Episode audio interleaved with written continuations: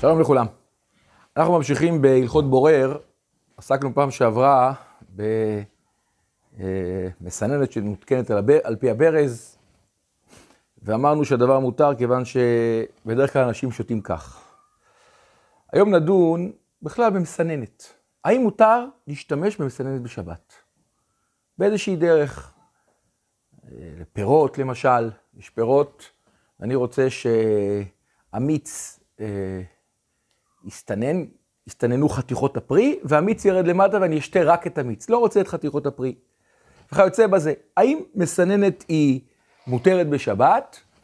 ואם לא, אז אולי היא מוקצה. מה העניין? אז השולחן ערוך, בסימן שי"ט סעיף י' כותב, יין או מים שהם צלולים, מותר לסננן במשמרת. אם הם צלולים, מותר לסננם במשמרת. אומר הרמה, ואף על פי שיש בהם תסמין דקין, הואיל וראויים לשתות בלאו הכי. מה מדובר? מדובר על יין או מים שהם צלולים. ואנשים שותים את זה כך, אבל אני רוצה לשתות את זה בצורה יותר מיוחדת, לסנן את זה יותר ויותר. האם זה מותר? אומר השולחן ערוך, כן, אם זה צלול. כיוון שאפשר לשתות את זה בצורה כזאת, זה מותר. המשנה ברורה והאחרונים נותנים פה שני הסברים. הסבר אחד, נקרא את לשונו של המשנה ברורה, כיוון דבלאו הסינון, גם כן הם צלולים וראויים לשתות, לכן אין בזה משום בורר. וצלולים מקרה, אומר המשנה ברורה, כל שראוי לשתות כך, בלי סינון לרוב בני אדם. הסבר אחד, אם רוב בני אדם שותים כך, זה מספיק, זה בסדר. ויש מחמירים, מביא דעה נוספת המחמירה, זה דווקא כשכולם יכולים לשתות, לשתות כך. ואין מסנן אלא כדי שיהיו צלולים ביותר. אומר המשנה ברורה. לפי הדעה המקלה, שנראה שהיא הדעה העיקרית, גם על פי אה, השוח... לשון השולחן ערוך, שהוא לא מחלק את החילוק הזה, ונראה שזה כך, וגם על פי הרמה שכותב שאף על פי שיש בהם כסמין דקים, משמע שעדיין מסתמה יש אנשים שלא שותים כך, בכל זאת, הדבר מותר. אז למדנו כלל, אם אני אוכל לשתות עם רוב באופן כזה, שרוב בני אדם יכולים לשתות, אין כאן סינון. זה לא נקרא סינון. לכן מלאכת הסינון עצמה היא אסורה, היא בורר, רק כאשר אני מתכוון לסנן דבר שאני לא יכול אה, לשתות או לאכול אותו בלי הסינון. זה העניין. אבל אם רוב בני אדם שותים בצורה כזאת, הדבר הזה יהיה מותר. מכאן נבוא לשאלה, האם מותר לסנן מיץ פירות?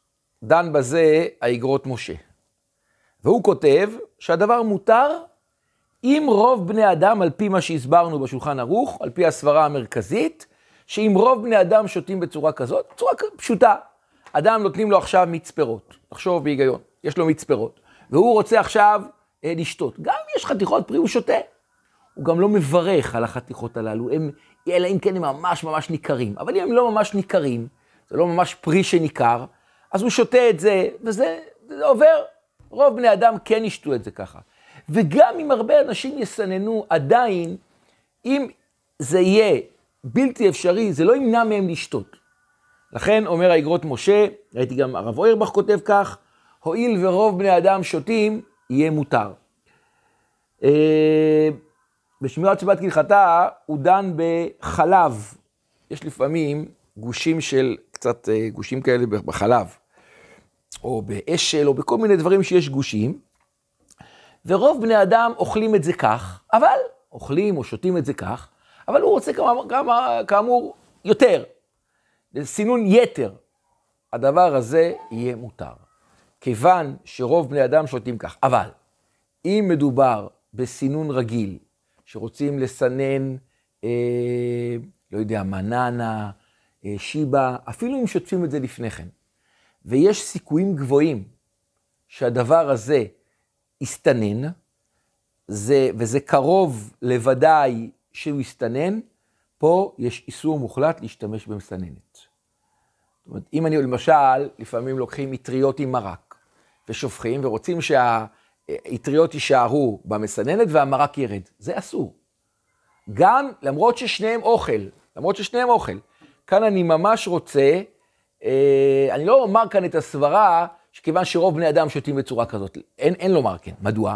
מכיוון שהמטרה שלי עכשיו בפירוש, שאותם דברים שאני רואה בצורה ברורה, יישארו. שמה, רוב בני אדם שותים, אז זה בסדר. כאן, בצורה כזאת, אם זה ממש מסיבי כזה, אטריות שיישארו, או שרוצים לסנן אה, אה, כל מיני דברים שהם ברורים, יש חתיכות בתוך המאכל, ואתה רוצה לסנן אותם, אה, סינון של אה, בר חשים למיניהם וכולי, הדבר הזה, בדבר הזה צריך להחמיר, אלא אם כן ברור שרוב בני אדם שותים את זה בצורה כזאת, אז זה יהיה מותר.